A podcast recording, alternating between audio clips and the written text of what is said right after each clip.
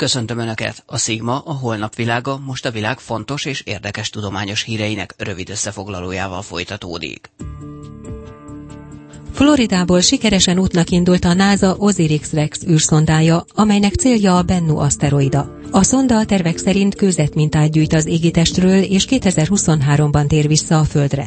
A Bennu felszínéről vett anyag várhatóan 4,5 milliárd éves, a tudósok reményei szerint gyakorlatilag változatlan formában maradt meg a naprendszer keletkezésének idejéből. A küldetés abban is segít, hogy kiszámíthassuk, mekkora annak valószínűsége, hogy a Bennu valamikor a jövő században becsapódik a Földbe.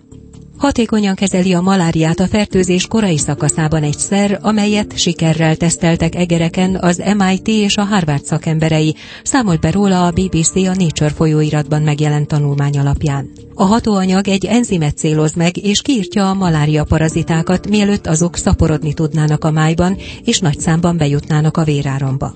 A tudósok azt remélik, hogy ígéretes hatóanyagot találtak a maláriát kezelő gyógyszer kifejlesztéséhez. Az egészségügyi világszervezet szerint 2015-ben 214 millió új maláriás megbetegedést és 438 ezer maláriás halálozást regisztráltak. A természetvédelmi világalap becslése szerint a kétéltőek és hüllők nagy részére káros hatással van a klímaváltozás. A WWF megállapította, hogy az általa vizsgált 313 faj mintegy felére lesz negatív hatással a változó éghajlat. Más fajok ugyanakkor profitálhatnak a klímaváltozásból. A hegyekben élők például a felmelegedésnek köszönhetően életterüket a magasabban fekvő területekre is kiterjeszthetik. 1500 évvel ezelőtti istálló maradványaira bukkantak a Negev sivatagban.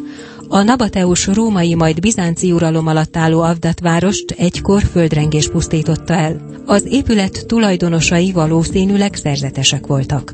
A sivatagi éghajlatszárassága miatt kiváló állapotban maradtak meg az építményben megtalált szőlőmagok, amelyek segítségével azonosíthatják a korabeli növények DNS-ét, és megtudhatják, miféle szőlőket termesztettek ezen a vidéken 1500 évvel ezelőtt. Sigma. A holnap világa. Tudomány első kézből.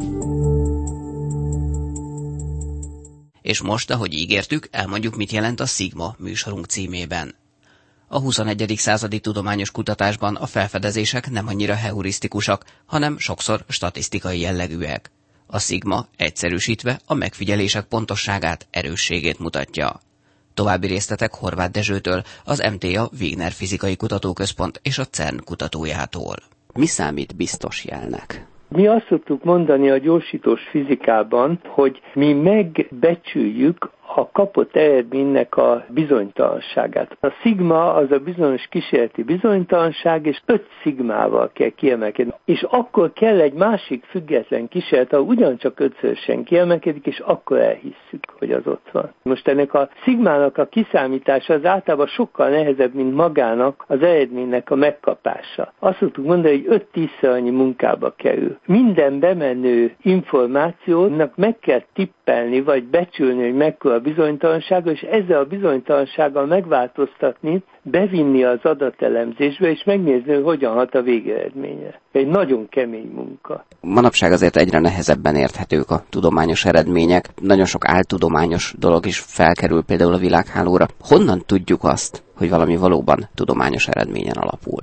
Ez egy nagyon jó kérdés egyébként, mert sokan állítják saját magukról, hogy ők tudósok, akik megfelelő körültekintéssel publikálnak. Azt hiszem az egyetlen módja ennek az, hogyha megfelelő tudományos ellenőrzése ellátott folyóiratba vagy médiumba jelenik meg az a bizonyos hír, de még akkor se biztos, hogy igaz. Azt szoktuk mi mondani, hogy akkor hiszünk el valamit, hogyha megfelelően körbejárva publikálják minden részletével együtt azt a felfedezést, és utána egy másik független társaság ezt megerősíti. Erre mindig a Higgs bozont szoktuk legújabb példának mondani, ugye 40 évig kerestük a Higgs bozont különböző egyre nagyobb energiájú gyorsító laboratóriumokban, és szép fokozatosan szorult körülötte a hurok. Tehát egyre nagyobb területeket zártunk ki, hogy ott nem lehet. És a végén ennek a nagy hadönköztetőnek egy éves működése után két párhuzamos, egymástól teljesen független kísérlet ugyanazon a helyen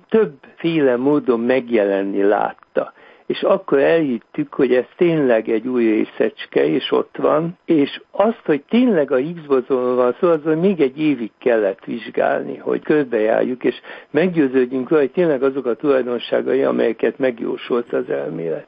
Tehát ezt körültekintően kell csinálni. Na most persze rengeteg az áltudomány, ez kétségtelen, de ez nem tévesztendő össze a tudományos eredményekkel hogyan keletkeznek a csillagok és a körülöttük keringő bolygórendszerek. Ezt a témát kutatja Kóspál Ágnes asztrofizikus, aki a Magyar Tudományos Akadémia lendületprogramjával tért haza Hollandiából. A magyar kutató most egy másfél millió eurós európai kutatási támogatást is elnyert, így tovább bővítheti csapatát a Csillagászati és Földtudományi Kutatóközpont berkein belül. Fehér Anna Magda kérdezte Kóspál Ágnest.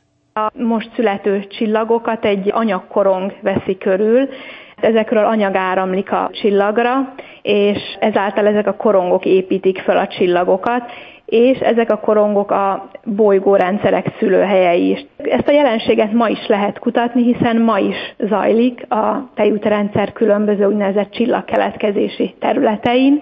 Tehát arról van szó, hogy a csillagkeletkezési területeken ilyen sűrű por és gázfelhők vannak, és ezeknek a leges legsűrűbb részei, úgynevezett felhőcsomók, azok a saját tömegvonzásuknál fogva elkezdenek összehúzódni, összeesni, közepén kialakul először a csillagkezdemény, úgynevezett protocsillag, és a felhő forgásából adódóan ezt egy lapult struktúra veszi körül, amiből aztán kialakul a korong. És ez a korong adja tovább az anyagát az épülőfélben lévő csillagnak, kialakulnak benne a bolygók is, majd még később néhány tízmillió év alatt ennek a korongnak az anyaga teljesen elfogy, szétoszlik, és kialakul egy érett naprendszer. Azt már említette, hogy a tejútrendszeren belül vizsgálódnak, de milyen távolságra vannak ezek a területek, ahol csillagok születnek, illetve mivel vizsgálják ezt a folyamatot? Legközelebbi csillagkeletkezési területek 400-500 fényévre vannak, és hát igyekszünk mindig a legmodernebb műszertechnikát használni. Vannak nagy távcsövek Csillében, az Atakama sivatagban, felhők azok ne zavarják az észleléseket. Nem csak olyan fényt detektálunk, amit a mi szemünk is láthat, hanem az annál hosszabb hullámhosszú úgynevezett infravörös vagy milliméteres sugárzást is vizsgáljuk, hiszen csillagok gyakran olyan sűrű felhőkben keletkeznek, ahonnan látható fény nem jön, de a hosszabb hullámhosszú infravörös vagy milliméteres sugárzás az vizsgálható. Ma már lehetőség van arra, hogy a csillagköli korongokról közvetlenül is képet alkossunk, lefényképezzük őket, és ezeken a képeken az látszik, hogy ezeknek a korongoknak a szerkezete jóval bonyolultabb, mint korábban gondoltuk. A kutatásuk úgy tudom arra irányul, hogy ennek a korongnak, illetve a születő csillagnak a viszonyát vizsgálják, és úgynevezett csillagfelfényléseket is észlelnek, ebből próbálnak kiindulni. Mi is pontosan ez a felfénylés? Arról van szó, hogy a korongról az anyag az folyamatosan áramlik a csillagra, legalábbis a korábbi elképzelésünk az az volt, hogy egy ilyen folyamatos anyagáramlás építi fel a csillagot.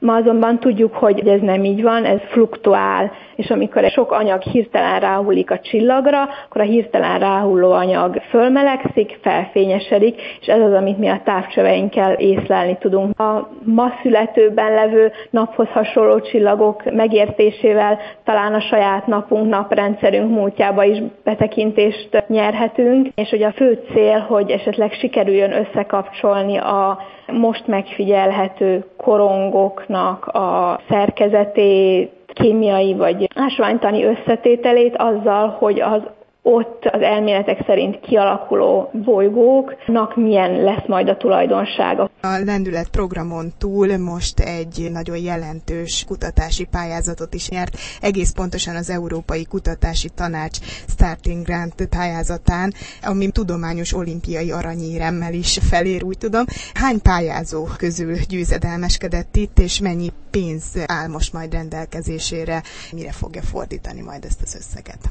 Ez egy két lépcsős pályázat. Első lépésben az embernek az írásbeli pályázati anyagát bírálja el egy bizottság, és a legjobbakat azokat behívják Brüsszelbe egy szóbeli interjúra is. Aki ott is a legjobbak közé kerül, az kapja meg a támogatást. Ez a pályázóknak körülbelül 9-10, esetleg 11 százaléka jövőre fog indulni 5 évre egy 1,3 millió eurós teljes támogatási összeggel, mivel ugye az adatokhoz való hozzáférés az nem gond, a fő gond igazából az emberi erőforrás, tehát hogy ezeket az adatokat gyorsan, hatékonyan tudjuk analizálni és publikálni. Én ebből a ERC pályázati pénzből elsősorban egy új kutatócsoportot szeretnék kialakítani itt a Magyar Tudományos Akadémia Csillagászati és Földtudományi Kutatóközpontjába, és ezzel az új csapattal fogjuk vizsgálni ezt az előbb említett tudományos témát. A szerkesztő Lendvai Szabolcs nevében is búcsúzik a műsorvezető Domanics András. Műsorunkat teljes egészében meghallgathatják az inforádió.hu oldalon. Gondolkodjunk együtt egy hét múlva ugyanitt, ugyanekkor.